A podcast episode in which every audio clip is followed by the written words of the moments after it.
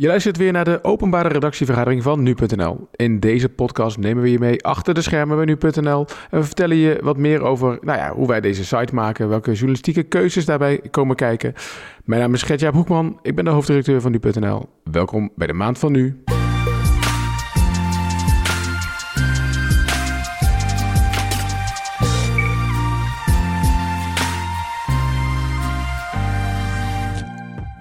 Ja, het was al een beetje uh, voorspeld natuurlijk. Uh, we, zouden, we gaan het hebben over de verkiezingen.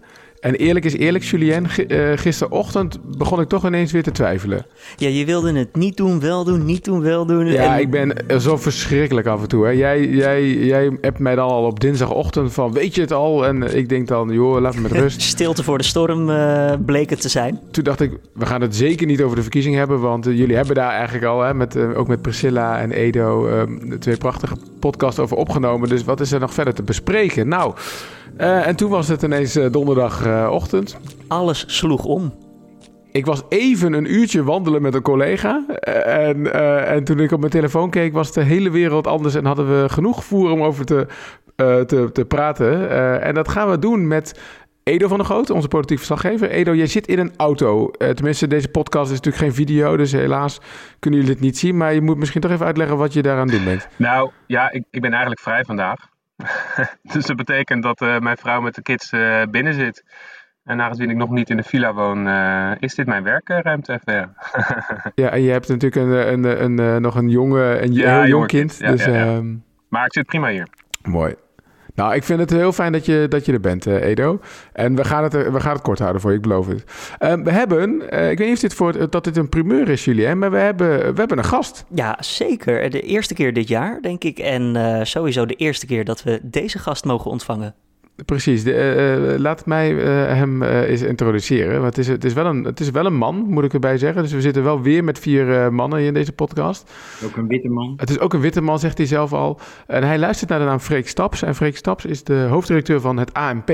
Het ANP is het, het persbureau van, van Nederland, waar nu.nl mee, mee samenwerkt. Ga, nou, we hoeven het er niet over hebben dat we eventjes uit elkaar waren. Maar we zijn weer bij elkaar, hè Freek? Zo is het. Liefde zal altijd overwinnen. De liefde zal altijd overwinnen. Heel erg mooi. Uh, ik heb jou uitgenodigd, Freek, omdat nou ja, de reden... Jullie zijn eigenlijk de reden waarom, waarom, waarom dit weer zo een beetje in een stroomversnelling kwam. Hè? Nou, laat ik bedoel, mensen die deze podcast luisteren weten wel... Het, het gaat over de foto met een hoofdletter D en een hoofdletter F. Er stond een fotograaf natuurlijk van het ANP uh, nou, te posten uh, in Den Haag. En op een gegeven moment kwam Olongren langs. En, en toen... nou ja, en toen? En toen gebeurden er allemaal dingen. Ja, want jij zei al dat je gisterochtend uh, ook niet zo goed wist uh, waar de dag heen zou gaan. Maar ik herinner me nog dat wij ook onze redactievergadering hebben. En die hadden we, hebben we in de ochtend al om half tien. En toen zeiden we tegen elkaar, ah, eindelijk een rustige dag. Weet je, we zoeken naar een jaar, zoek je telkens even zo'n, na een jaar van heel veel nieuwsdruk, zoeken we naar die momenten dat het net eventjes rustig is, dat mensen kunnen uitademen. Uh, en dat is ook oké namelijk, als het een keer nieuws, nieuwsluw is. Um, maar um, uh, niet lang daarna um, stond onze fotograaf Bart Maat op het, uh, op het Binnenhof. Hij werkt, uh, hij werkt daar voor ons. En hij stond te wachten op Rutte die naar buiten zou komen. Het was iets na negenen. En, of eigenlijk was dit dus daarvoor. dit was eigenlijk tijdens die redactievergadering, bedenk ik me nu pas. Dus dat speelt zich ongeveer tegelijkertijd af dat wij dachten er is niks aan de hand.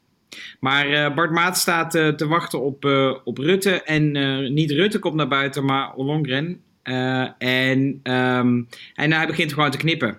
En uh, dat is natuurlijk eh, bijna een reflex voor zo'n zo'n nieuwsfotograaf. hij knipt, hij, hij vertelde achteraf dat hij vooral bezig was met hoe ze eruit zag. In de zin van ze had een mondkapje op en ze had de, de capuchon van haar lange zwarte jas over haar hoofd getrokken. En dat is natuurlijk voor een fotograaf maakt dat nou, dat is gewoon complex, want je wil, een, je wil een gezicht zien, je wil een uitdrukking zien. Dus dat was niet makkelijk. Maar hij knipt die foto's en, uh, en meteen daarna, ik weet niet of je wel eens fotografen ziet die dan klaar zijn. Maar het eerste wat ze dan doen, is naar hun schermpje kijken en naar die grote draaischijf draaien waarmee ze vliegensvlucht door al hun foto's heen kunnen schieten. Uh, en, daar kijkt hij naar en hij, staat daar samen met een, met een AP-redacteur. Uh, ze kijken samen naar dat schermpje. En ze, ze zeggen, hé, hey, maar je kan meelezen. Dat was meteen, uh, dat die bewustwording hadden ze gelijk. Ja, alleen, eh, maar goed, ja, eigenlijk is het woord meteen niet goed, want daar zat dus wel even, nou pak een beetje een minuutje tussen. maar ze zien dat je kan meelezen. En op dat moment moet je weten, gebeuren er allerlei zaken. Namelijk, die foto's worden geüpload in de ANP beeldbank. Dat, dat gebeurde vlak daarna. Ehm, en de fotograaf belde met de fotoredactie en die zegt: Ja, volgens mij kan je wat lezen. En volgens mij is dat wel explosief materiaal. Uh, op dat moment belde de chef parlement met onze nieuwsmanager. En los daarvan belde een fotoredacteur met mij. Uh, waardoor ik eindelijk weer eens over de redactie kon rennen. Dat is altijd leuk. Over een lege redactie al uh, rennen. Uh, en zo kwam dat allemaal samen. En toen zaten we natuurlijk te kijken. En, en in Den Haag, uh, in de Tweede Kamer, hadden ze al die woorden gezien van uh, nieuwe positie, omzicht, leiderschap, stijl, Hoekstra. Um, ik, ik, ik vat het even samen. Ja, linkse partijen houden elkaar toch niet vast. Ja. Vast, zo. nou, en toen zeiden we, dus die foto stond erop. En uh, nou, toen hebben we gezegd, nou nu, dit is een reden, hier moeten we uh, redacties in Nederland op wijzen. Die hebben allemaal een abonnement op ons. Uh, en dan versturen wij een persalarm. Dus een persalarm is niet noodzakelijk het breaking news, maar gewoon iets van, hey beste journalisten, hier is iets bijzonders aan de hand. Dit wil je waarschijnlijk weten, want dan kan je besluiten of je aan de slag moet of niet. Uh, en toen hebben we een persalarm verstuurd met de tekst. Uh, nu valt nu, ik weet, hebben mij even niet meer scherp, maar iets van uh, aantekeningen, verkenner Ollongren, zichtbaar op ANP-foto. Dus iedereen wist ook dan waar moet je gaan kijken. Ja, en, die, en dat persalarm dat komt natuurlijk dan ook op de telefoon van Edo. toch? Ik pak hem daar even op, Edo. Want hoe, um, um, um, ja, wat, wat, hoe reageer jij op zo'n moment? Wat doe je? Nou, toen ik dat, uh, dat, ik dat hoorde, dat uh, uh, Bart, Bart Maat inderdaad die foto had gemaakt, dat je dat kon lezen. Excuses. Ehm, ja, een beetje explosief en pijnlijk waren wel een beetje de, de woorden die, die bij mij naar boven kwamen. En allebei extreem explosief en extreem pijnlijk. Want ja, weet je, zo'n zo'n informatieproces moet natuurlijk een beetje in stilte gebeuren. Laten af en toe wel wat los. Er worden brieven geschreven door de lijsttrekkers, wat ze wel niet willen. Maar echt de precieze bullet points, ja, die delen ze natuurlijk niet met ons.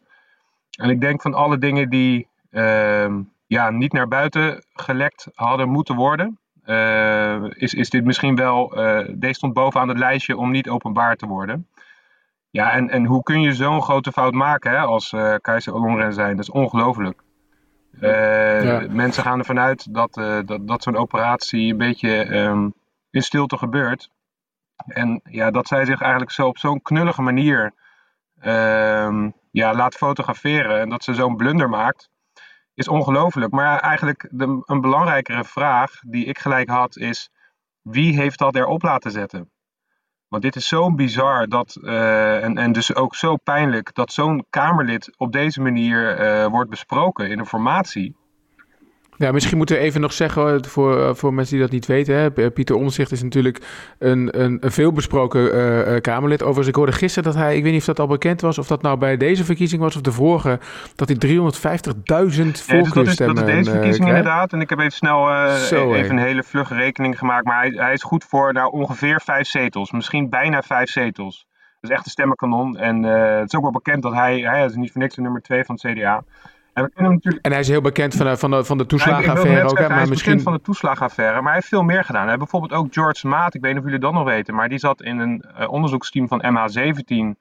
Uh, die foto's had laten zien van de uh, slachtoffers van MH17 aan zijn studenten. waarop de toenmalig minister van Justitie, Art van der Steur, had gezegd, nou die had hem eigenlijk publiekelijk te schande gemaakt dat hij dat had gedaan.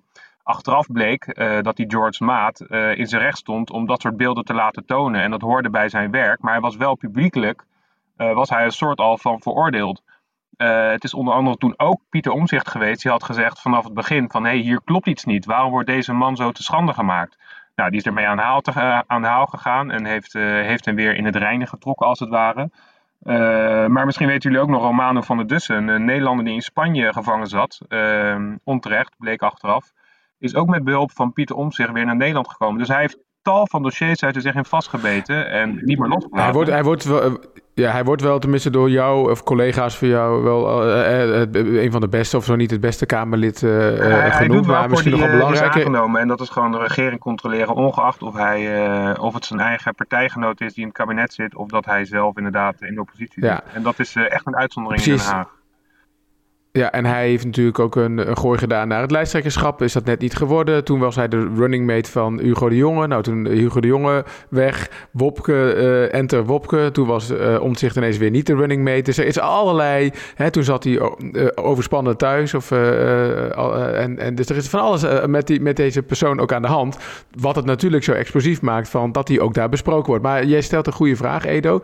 Um, krijg je daar een antwoord op die vraag? Van wie, wie, wie zet erop... Wie, zet, wie wie, is er verantwoordelijk voor wat er op dat papiertje komt nee, te staan? Nee, niet helemaal. Want uh, kijk, hij, hij, zit overspannen thuis, maar ook weer niet helemaal. Hè? Want hij heeft zich af en toe met de campagne bemoeid, maar uh, dan vooral voor zijn eigen boek. En hij heeft nog een interview gegeven aan de Leeuwarden Courant, waarin hij uh, nog eens een keer uithaalde naar de campagne en naar de manier hoe hij uh, behandeld is door het kabinet.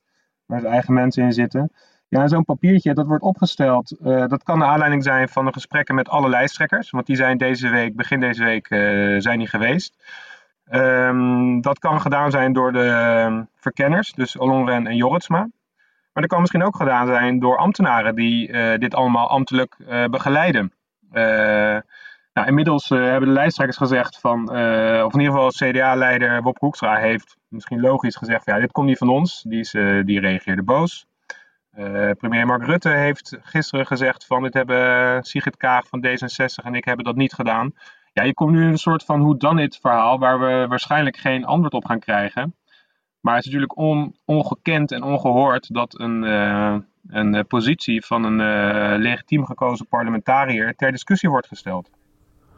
En, en welke, welke uh, gevolgen kan dit hebben voor de formatie, denk je? Nou, en ik denk daarom wel explosief, omdat ik kan me echt goed voorstellen dat ze bij het CDA, dat ze daar zo ontzettend chagrijnig en pist over zijn. Uh, dat ze hun huid misschien wel wat duurder gaan verkopen. Ik kan me ook voorstellen dat uh, Pieter Omtzigt, die we eigenlijk nog niet gehoord hebben sinds hij, want dat is nog niet eens ter sprake gekomen. Hij is wel echt door het slijk gehaald deze week. of het nou door zijn eigen partijgenoten is gekomen of, of door anderen. Maar er zijn in de media zijn er berichten verschenen. nou goed, daar, daar lussen de honden geen brood van eigenlijk. Hè? Anonieme mensen die hem met de grond gelijk maken. Een fluistercampagne, een fluistercampagne werd dat Ja, genoemd. nou, fluistercampagne, in hoeverre is het fluisteren als je in de column van de Telegraaf staat? Dus dat, uh, nee, dus dat, dat is echt, uh, dat, dat is ook heel smerig. Maar goed, dat, dat is ook politiek, blijkbaar. Um, dus ja, die, die, die is uh, met de grond gelijk gemaakt. Maar sindsdien hebben we ook nog helemaal niks van hem gehoord. Dus ja, gaat hij zich afsplitsen? Uh, wat gaat hij dan met. En, en, neemt hij dan zijn zetel mee? Of, of stapt hij uit het CDA en is hij dan, wil hij niks meer met de politiek te maken hebben? Of gaat hij gewoon door zoals het nu is? stelt hij het leiderschap van Hoekstra ter discussie? Ja, we kunnen nog alle kanten op. En even, hè, bedoel, jij, uh, nou, je gaf het al aan, je bent, je bent vandaag, als we dit opnemen, in ieder geval op vrijdag ben je, je denkt nu nog dat je ja. vrij bent, laten we, laten we, het, even, laten we het even zo zeggen. maar hoe, hoe, hoe, uh, hoe pak je dat dan aan, Edo, zeg maar, dit soort vragen? Ik bedoel, is dat wachten tot de dingen gaan gebeuren? Is dat rondbellen? Hoe werkt dat? Nou, je, je belt wel rond inderdaad, maar op, op, op zo'n moment als het er eenmaal uh, op straat ligt, zeg maar, dan uh, zijn mensen wel wat terughoudender om er nog verder iets over te zeggen natuurlijk. Uh, kijk, ik, ik heb ook wel eens te gekregen hoor in Den Haag van uh, dingen over Pieter Omzicht. Een beetje vergelijkbaar met wat we deze week hebben gehoord. En uh, ja, weet je, dat soort verhalen gaan altijd wel de ronde. En er zijn altijd wel mensen happig genoeg om iets onaardigs over collega's te zeggen. Vertel daar eens iets meer over. Hoe werkt dat? Wie, zeg maar, ja, ik snap dat je bronnen ook wel in deze, deze, ook in deze openbare podcast hebben bronnen te, te beschermen. Zoals we dat trouwens in normale redactievergaderingen ook wel eens hebben. Hè? Ik bedoel, even een zijpadje misschien, maar je, we praten wel eens, ik bedoel, verslaggevers vertellen wel eens niet alles aan collega's, uh, uh, omdat ze gewoon ook, ja, je wil wel uh, bepaalde verhalen misschien beschermen, maar hoe, ga, hoe gaat het dan, Edo? Iemand die fluistert jou dan wat nou, in? Je, je, hebt sowieso vaak gesprek op achtergrondbasis. En ik heb hier niet over geschreven, dus ik heb dit inderdaad ook niet gedeeld met collega's. Maar je, ja, goed, je, je, je laat je van alle kanten informeren. Maar ja, gewoon uh, prominente uh, politici die, uh, die echt wel achter gesloten deur ja, een beetje de, de, de roddels over omzicht uh, gaan vertellen. En ja, weet je, wij, wij, doen er niks mee omdat het op dat moment uh, niet relevant is. Uh, dus ik vind, je gaat alleen anoniem bronnen opvoeren, is ons beleid een beetje. Als het, als het nieuws echt zo belangrijk is dat je dat eigenlijk niet, niet wil vertellen. En ja, dat, dat iemand niet goed in zijn vel zit, dat vind ik een persoonlijke kwestie. Um, ja, maar wel, wel, wel ik bedoel, ik snap dat je het niet beschreef, maar het is ook wel weer uh, interessant, hè? zeker in het licht van deze zaak. Maar ik bedoel, gebeurt dat ook wel eens over andere Kamerleden dan? Of is dit, uh... Jawel, tuurlijk. En weet je, het is wat dat betreft net een, een, een, een, schoolplein. Ik bedoel, maar dan met heel veel volwassen mensen. Ja, tuurlijk, er wordt gewoon geroddeld. Er zijn 150 Kamerleden en ik, ik, weet niet of er net zoveel journalisten zijn, of misschien wel twee keer zoveel. En daaromheen circuleren tig mensen van de communicatieafdeling. Dus ja, daar gaan voortdurend de hele tijd verhalen eronder over allemaal mensen en vooral over onderwerpen. En ja, als je je eigen punt niet goed naar voren kan brengen, dan zwak je dat van een ander maar af, weet je wel. Dus dat, uh, dat, wordt vaak natuurlijk ook wel persoonlijk. maar in dit geval ligt het nu zo open en bloot op straat van zo'n prominent Kamerlid. Ehm, ja, dat het dus inderdaad nogal spannend is van wat ermee gaat gebeuren. En ja, we weten wel van Pieter Omtzigt dat hij natuurlijk niet prettig vindt hoe hij is behandeld door zijn eigen partij. Dat heeft hij min of meer in die bewoordingen ook wel uh, duidelijk gemaakt. Het is niet voor niks dat hij toen, uh, je had het al even over die verkiezing, de lijsttrekkersverkiezing. Hij stelde toen openlijk wel vragen of die verkiezingen eerlijker waren, eerlijk waren verlopen. Uh, dus er zit echt wel vrevel in die partij. En ja, nu, dit, nu we dit zo hebben gezien, dankzij die foto van het ANP, ja, nogmaals, ik, ik, ik, weet, ik weet niet wat er gaat gebeuren, maar uh, ik kan me wel voorstellen dat de Kamer in ieder geval uh, gewoon onder steen boven wil hebben. Want als er zo over hun collega's wordt gesproken in informatie achter gesloten deuren, dan gaat er iets uh, grondig fout. Freek, ik was nog benieuwd. Hè? Uh, uh, volgens mij, jouw fotografen zijn ook letterlijk um, in, de, in de ruimte waar die gesprekken gevoerd worden. Althans, in elk geval aan het begin van die gesprekken neem, neem ik even aan. worden daar afspraken over gemaakt op dat moment? Nou, er zijn sowieso afspraken. Er is een, een code binnen de Tweede Kamer, maar dat weet Edo vast beter dan ik. Want ik, ik ben er natuurlijk niet elke dag. Dat je niet, dat fotografen hebben wel zijn wel aan wat restricties gebonden. Het is bijvoorbeeld niet de bedoeling om uh, uh, bijvoorbeeld in de Tweede Kamer in de zichtlijn te staan van een minister of een uh, minister-president. Dus stel dat Rutte staat te praten um, tegen een, nou, via de voorzitter altijd, want zo gaat dat in de Tweede Kamer, maar tegen een Tweede Kamerlid. dan is het niet de bedoeling dat de fotograaf daartussen gaat staan. Nee. het is ook niet maar, de bedoeling ook, dat de papieren fotografeert die binnen zijn. Maar dit was buiten. En dat is een essentieel, uh, essentieel onderscheid. Dus het is dus die foto's had niet binnen kunnen gemaakt kunnen geworden. Nee, precies. Maar je zegt dus, er zijn niet expliciet afspraken gemaakt over van, nou, de fotograaf mag wel naar binnen, maar hij mag dan niet dingen uh, uh, um, fotograferen, want die afspraak die geldt al. Je zegt, uh, daar is gewoon een, er is al een code. Maar toch even, nu we in deze redactievergadering setting zitten, Freek, krijg je dan, krijgen jullie dan nog telefoontjes vanuit het ministerie van, ah joh, stap, had je dat nou moeten doen, die foto erop brengen? Had je dat niet even kunnen, is dat niet... Is dat niet chic, Freek? Na aanleiding van gisteren bedoel je, na aanleiding van die foto. Nou, grappig genoeg had ik een afspraak met, met iemand op, uh, uh, aan of op het Binnenhof. Uh, iemand, Bronnen rond het kabinet, ja. maar ja, iemand in de know. ja, ja, oké. Uh, waarop ik, uh, en die afspraak stond al een hele tijd. En ik zou met die persoon een rondje gaan, uh, gaan wandelen rondom uh, rondom de Hofvijver. Dat is dan meteen een uh, coronavriendelijke manier om even bij te praten. En ik vertelde die persoon wel dat ik van tevoren tegen mijn collega's had gezegd: als ik niet terugkom, dan weten jullie waar ik ongeveer ben. uh, maar, ehm, maar die persoon moest eigenlijk gewoon ontzettend hard lachen. kijk, je moet niet vergeten dat, um, net zoals elk werk, um, is ook werken in de politiek uh, werk. En dat betekent dat er een roeping zit en dat betekent dat er een maatschappelijke verantwoordelijkheid zit. En die wordt heel diep gevoeld door mensen die daar werken, ook door journalisten. Maar dat betekent ook dat, er, dat mensen uh, begrijpen dat er nou eenmaal mensen zijn die hun rol spelen. Uh, en, en journalisten spelen ook hun rol. Dus als er zo'n foto naar buiten komt, is er eigenlijk niemand die dan zegt van... hé, hey, maar dat is heel onaardig. Eigenlijk het enige wat onaardig is, is de reacties die ik krijg via de e-mail en, uh, en mensen die ons benaderen. Uh, lezers, uh, luisteraars, kijkers. Die zeggen, hey, dit is een onbehoorlijke foto. Aan het Binnenhof zelf, daar hoor ik echt... Nee, dus die code is heel duidelijk. Binnen mag het niet. Buiten is, zodra je de deur uitkomt... en je zou nog kunnen twisten, misschien semantisch van ja, moet je het binnen... Je was nog op het Binnenhof, hè? Was dat, is dat dan ook nog binnen? Maar, maar ja, daar is dus geen discussie over. Ja, maar dat is eigenlijk wel gewoon duidelijkheid ja, over. precies. Hey, waar ik nog even aan moest denken ook, Freek, is... Uh, ik weet niet hoe je het doet, uh, deze, deze verkiezingsrood, maar de, de foto's van het ANP uh, spelen, nogal een, spelen nogal een belangrijke rol. Ik moest ineens denken aan een dansende Sigrid Kaag, waar, ja, waar ook wel wat over te doen was. Hè? Misschien voor de mensen, die, die, voor de luisteraar, als je dat niet, niet weet, dat, wat daar vooral... En dat was een heel ander verhaal natuurlijk, maar dat de fotograaf van jullie een freelancer is en die daar eigenlijk, die eigenlijk betaald werd door D66 om op de verkiezingsavond in die ruimte te zijn. Um, hij Niet was alleen eigenlijk, die werd betaald door D66. Kijk, hij werd ja. betaald door D66, maar tegelijkertijd dacht hij op dat moment, ik, ik vertel even jouw verhaal nu hoor, maar van ja, maar dit is eigenlijk ook wel een nieuwswaardige foto, dus ik upload hem ook in het ANP-systeem onder zijn eigen bronvermelding. Uh, jij, ik weet niet, jij wist niet dat hij daar namens D66 nee, zat? Of, dat wisten we niet. En dat is dus inderdaad, zoals jij het vertelt, is het, uh, uh, althans, je is het bijna exact zo gebeurd. Dan laat ik ruimte voor nuance. Maar inderdaad, deze foto. Dus wij hebben 500 fotografen in Nederland en die hebben een soort goedkeurend stempel gegeven. En die mensen mogen foto's uploaden in onze ANP beeldbank. En dat is weer, die beeldbank is weer, stellen we weer ter beschikking aan alle media.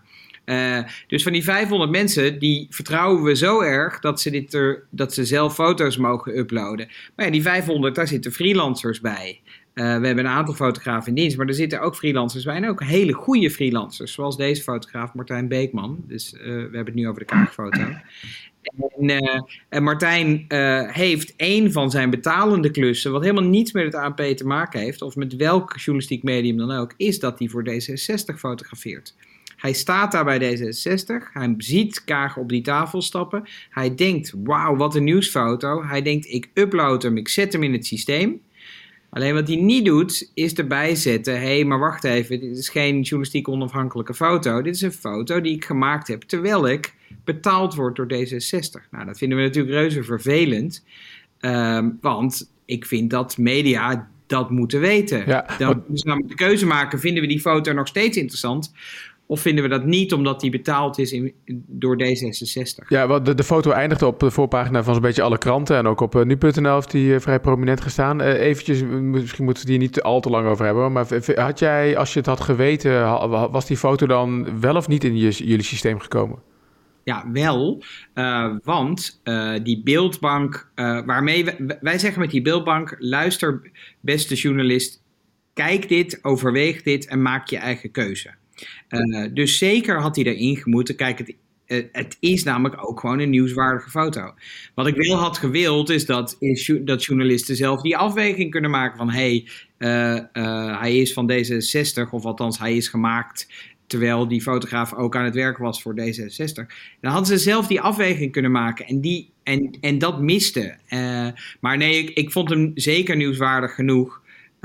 En het zou natuurlijk, je kan het nooit checken, maar ik zou stiekem wel heel benieuwd zijn hoeveel media zou hem alsnog nou, meegenomen. Die vraag ga ik nou eens even aan Edo stellen. Want het is natuurlijk wel een hele moe het is een moeilijke vraag. Maar uh, en voordat ik hem beantwoord, Edo, wat, wat, vind je, wat zou jouw afweging zijn geweest, denk je? Uh, we hebben wel een makkelijke keuze, denk ik. Want wij kunnen die foto gebruiken en uh, een, een, paar uur op hoofd laten staan. Hè, dus op het grootste bericht. En, en hem dan weer afhalen. Want ik vond die foto op dat moment, de winnende kaag, was gewoon de foto. Dus ik denk dat ja, maar als jij nou, maar als je had geweten dat het was genomen door iemand die in dienst is van D66, ja, dan, dan, dan, dan vind ik het nog steeds een nieuwsfoto. Maar vol, volgens mij eigenlijk, hè, want volgens mij gaat hier in de discussie een beetje achter schuil. En uh, ook onder andere aangezwengeld door uh, Freek van den Berg, een heel goede fotograaf, freelance fotograaf. Uh, die ook zegt, de fotojournalistiek is eigenlijk kapot. dat freelance fotografen eigenlijk een beetje worden gedwongen om extra klussen aan te nemen, omdat er gewoon te weinig wordt betaald voor hun werk.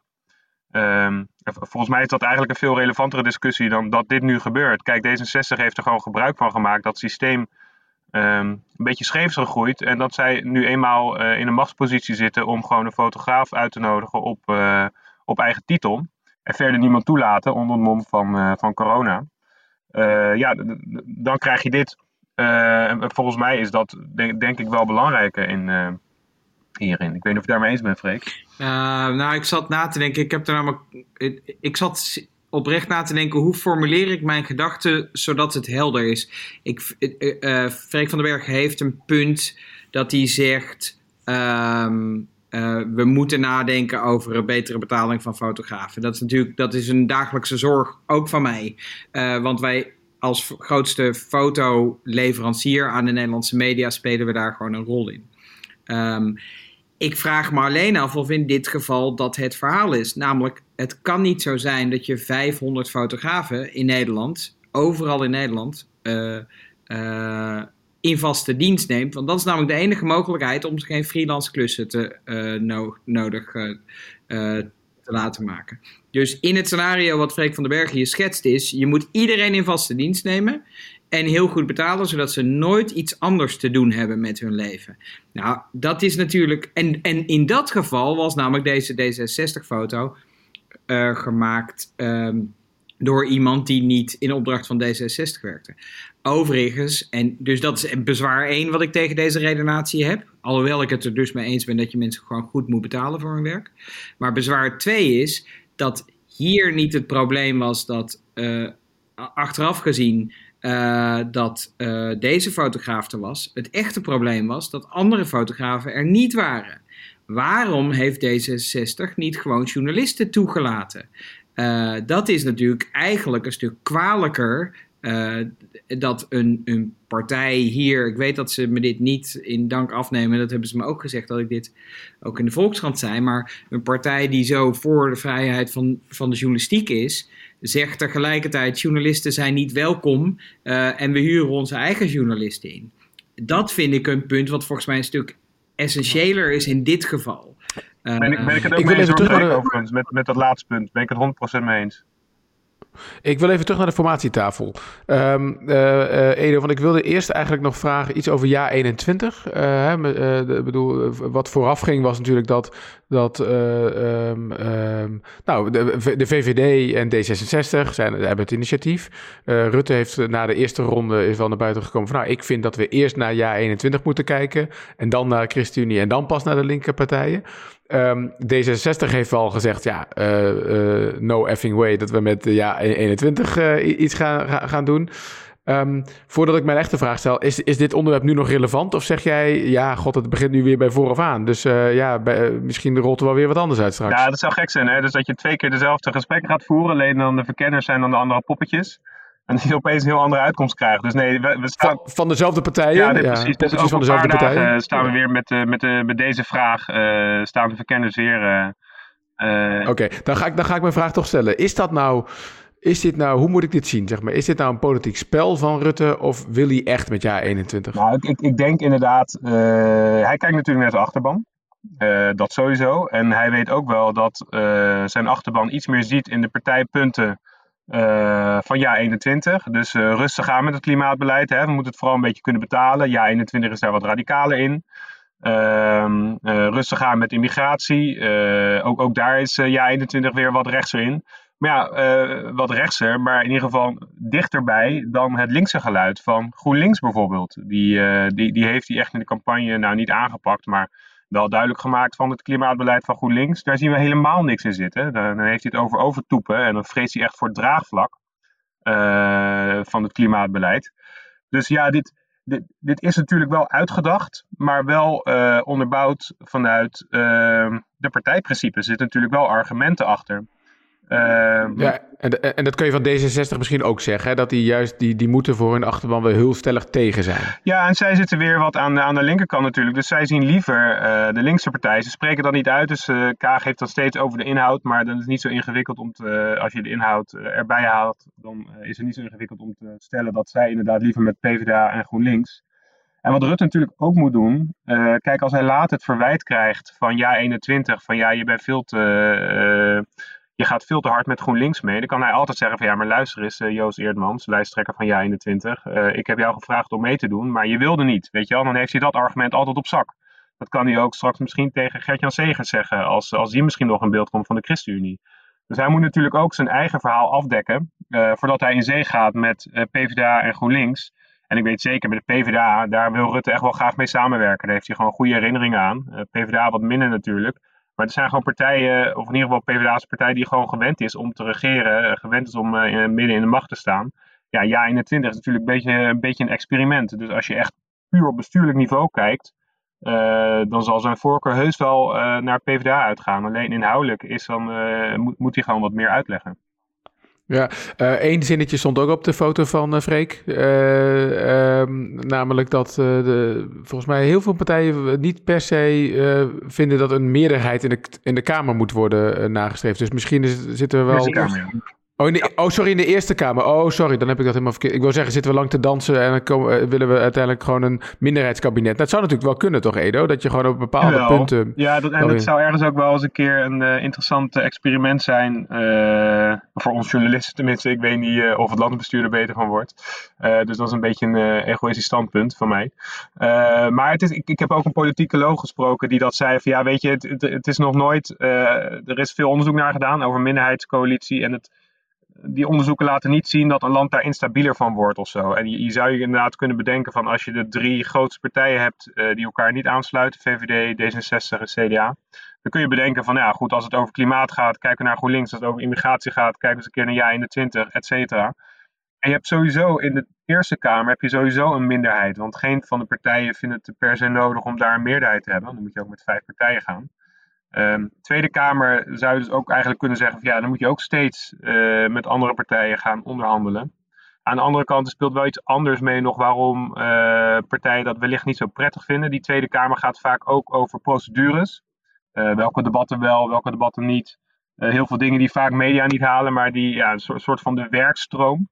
als je dat kan controleren als coalitie, scheelt dat wel een hele hoop gedoe. Dus ik, ik vermoed dat uh, dat de reden is dat ze dat uh, liever een meerderheid hebben. We zijn over dit onderwerp nog niet uitgepraat, maar ik bedank jullie in ieder geval voor nu, Edo en Freek, allebei. Um, Julien, wij hebben ook wel weer wat brieven gekregen, hè? Daar moeten we toch even naartoe. Ja, post in deze maand van nu.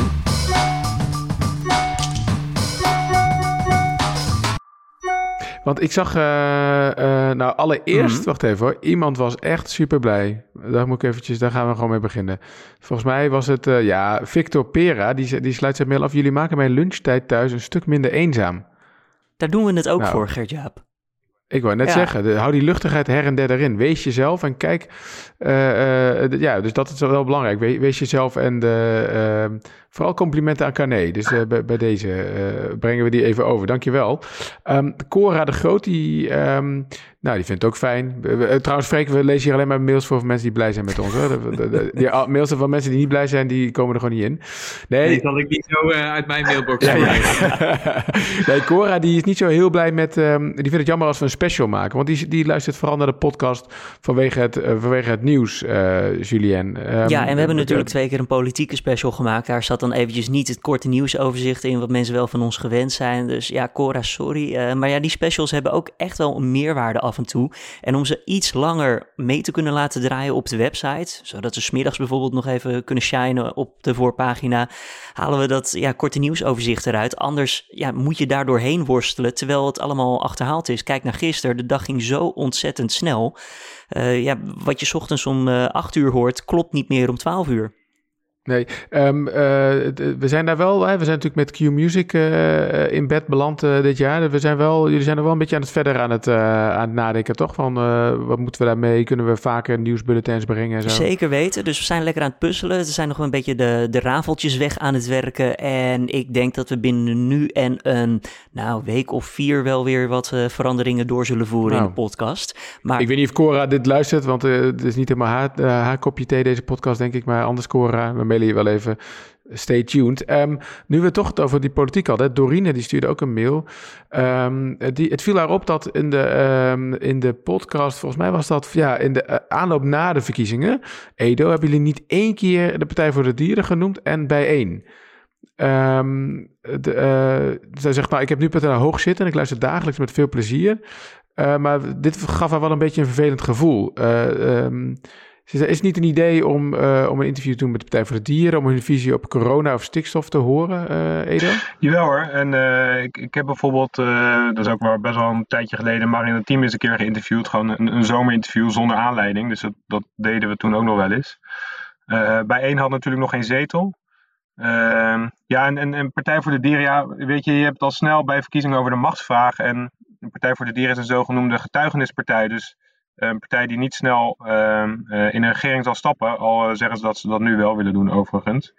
Maar klopt hoor, op uh, gebied van stikstof uh, laten zij wel echt een ander geluid horen. En dat, dat zie je dan eerder terug in de verslaggeving, zeg maar. Dus dat, dat ja, argumenten en quotes van Esther Ouwehand, de lijsttrekker, die, die komen dan wat prominenter terug dan bijvoorbeeld in ja, berichten over, over andere onderwerpen. Uh, maar in die podcast, uh, ja, zij zijn niet aan bod gekomen, dat klopt. Nee, nee, nee. Uh, nog een klein puntje van feedback voor jou, Edo, van, van Tijmen Hilgersom. want in de laatste podcast, volgens mij, ging het over, toen jullie aan het beschouwen waren, ging het over het CDA. En die kwamen slecht voor de dag met hun verkiezingspunt over de WW. Tijmen zei, uh, uh, ik had geen idee waar je het over had. Misschien de volgende keer eventjes een paar zinnen uitleggen waar het over gaat. Misschien ook mijn fout hoor. ik bedoel, ik leid dat gesprek en ik... Leid... Zo komt het jouw rol, ja, ja, klopt. Ik, ik, ik, had er misschien moet, naar moeten vragen, dus sorry Edo. Nou, Tijmen, we nemen deze feedback. Nee, maar ik vind het wel een goed punt. Ik vind het wel een goed punt, weet je. Je kan niet uh, um, te veel vanuit gaan dat iedereen alles snapt. Um, Nogmaals, Freek, dankjewel dat je te gast wilde zijn bij ons. Ik vond het echt mooi dat je even wat, uh, nou ja, toch een kijkje ook in de keuken gaf van het ANP. En wat er precies allemaal gebeurt. En uh, mooi dat je nog uh, de wandeling hebt overleefd met die ja, mensen in de know. Dat is toch fijn. Ja, hartstikke fijn. Dankjewel voor de uitnodiging. Yes, Edo, jij ook dankjewel voor, voor, je, voor, je, nou ja, voor je informatie. En ik hoop dat je een, een fijne, een beetje kunt genieten van de zon vandaag. Top. Ga lekker in ieder geval uit je auto, want het zal inmiddels behoorlijk zweten daar. Uh, Julien, hetzelfde geldt voor jou. Joh. Hartstikke bedankt. En, uh, Tot volgende wij maand. Zijn er, uh, ja, we zijn er volgende maand weer. want we doen dit dus één keer in de maand. Geven wij een kijkje nou, achter, achter de schermen bij nu.nl. Wil jij nou iets weten over een onderwerp dat je bezighoudt? mail even podcast.nu.nl. en wie weet nou, gaan we je vraag behandelen of maken we er gewoon een hele uitzending over. wie weet.